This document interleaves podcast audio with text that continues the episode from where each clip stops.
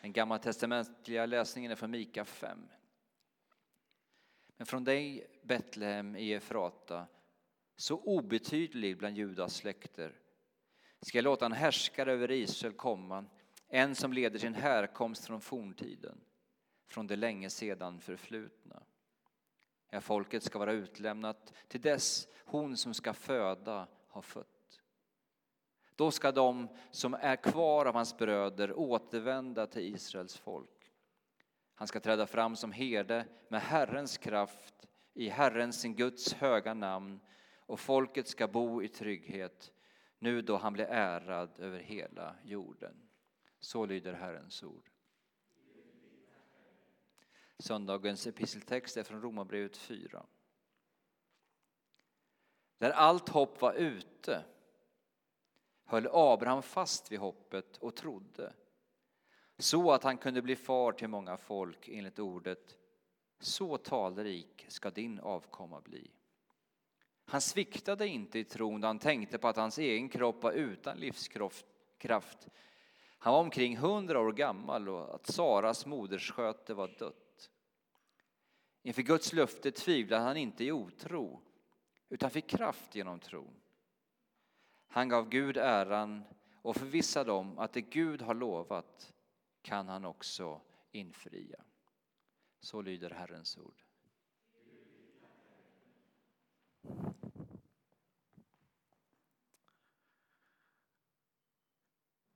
Vi får upplyfta våra hjärtan till Gud och höra dagens heliga evangelium. Så skriver evangelisten Lukas i Herrens namn.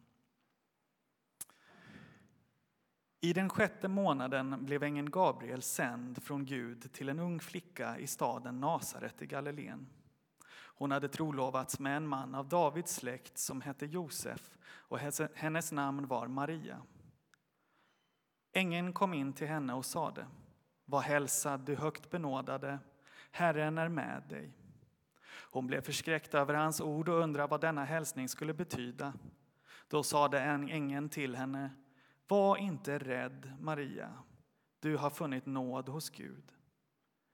Du ska bli havande och föda en son och du ska ge honom namnet Jesus. Han ska bli stor och kallas den Högstes son. Herren Gud ska ge honom hans far, fader Davids tron och han skall härska över Jakobs hus för evigt och hans välde skall aldrig ta slut. Maria sade till ängeln, hur ska detta ske? Jag har ju aldrig haft någon man. Men ängeln svarade henne, Helig ande ska komma över dig och den Högstes kraft ska vila över dig. Därför skall barnet kallas heligt och Guds son. Elisabet, din släkting, väntar också en son nu på sin ålderdom. Hon som sades vara ofruktsam är nu i sjätte månaden. Ty ingenting är omöjligt för Gud.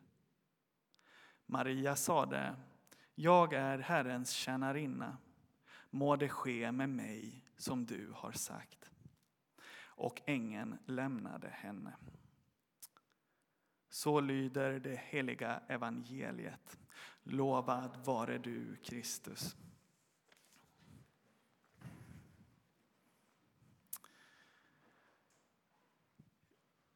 Ängeln kommer här till Maria med bud en föraning om det som ska komma. Kommer med en början, kommer med ett slut. Ja, eller egentligen kanske inget slut då, utan kanske snarare en ny början. Med nycklar till evig frid. Men Gabriel säger ingenting om vägen dit.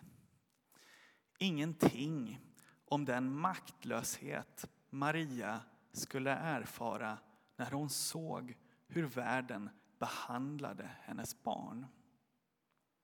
Ingenting om den smärta en förälder känner när ens barn far illa. Att inte kunna göra något och bara se på. Eller åtminstone känslan av att vilja kunna göra mer och samtidigt vara oförmögen. Vi är inne i en tid nu där andningshålen för livet utmanas. Och mitt i allt som pågår, som om inte det vore nog, drabbas Malmö av ännu mer andningsnöd. En tragedi och ett mörker som slår hårt eftersom det drabbar våra barn. Stora och små. Deras känsla av trygghet och normalitet. Jag gick förbi Malmö latin häromdagen och såg poliser stå på skolgården. Folk som höll om varandra. Folk som tände ljus och lämnade blommor vid grindarna. Och det var en känsla av maktlöshet som kom över mig då. Av att bara kunna se på och inte riktigt veta vad man ska göra åt situationen. Och då kom jag att tänka på Maria, Jesu mor, som inte kunde gripa in när hon såg vad de gjorde med hennes son på Golgata. Den totala smärtan och nederlaget. Men hon var där, även fast det var smärtsamt. Även fast hon inte kunde gripa in så stod hon stadigt kvar. På Maria bebådelsedag åminns vi hur Maria får budet att hon ska föda Guds son. Men idag så får bebådelsen också påminna om uppgiften Maria får. Uppdraget som hon också tackar ja till. Att oavsett vad som händer stå kvar och inte blunda för det som sker. Maktlöshet är inte samma sak som svek. Maria kunde inte göra något åt det som skedde på Golgata. Men hon fanns kvar. Hon stod kvar. Och det är inte ingenting att våga stå kvar när man möter det. Och Maria har många gånger sett som en bild för kyrkan. Och det finns många goda skäl för det. Men det jag tänker att vi kan lyfta fram idag med tanke på allting som pågår i denna tid, i världen, Europa, Ukraina, Sverige, Malmö, är just detta. Att oavsett vad som hände så stod Maria kvar och vände inte bort sin blick. Och kyrkan får också vara en sån fristad. En plats där mitt i allt som sker våga stå kvar och inte gå förbi.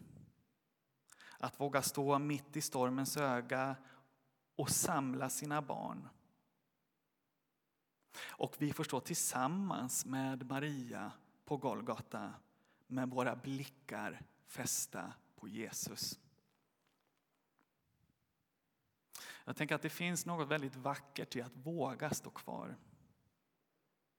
Att våga stå trygg och stadigt. Låta saker ta tid.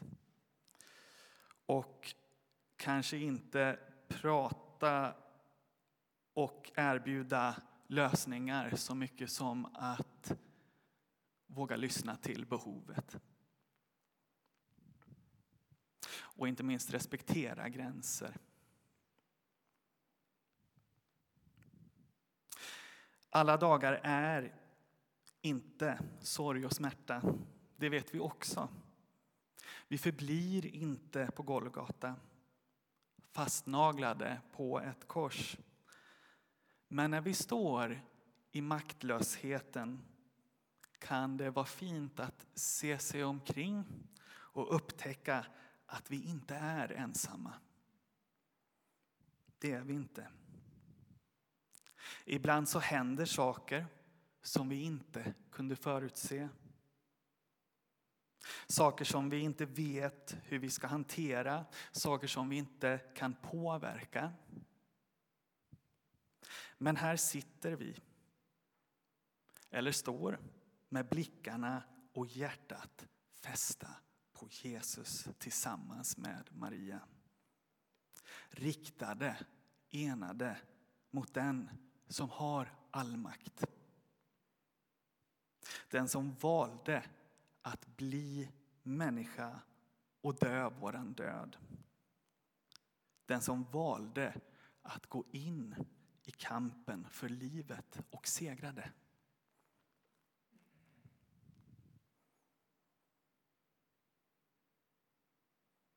Vi ber. Gud, lär oss att som Maria bära din kärleks uppdrag.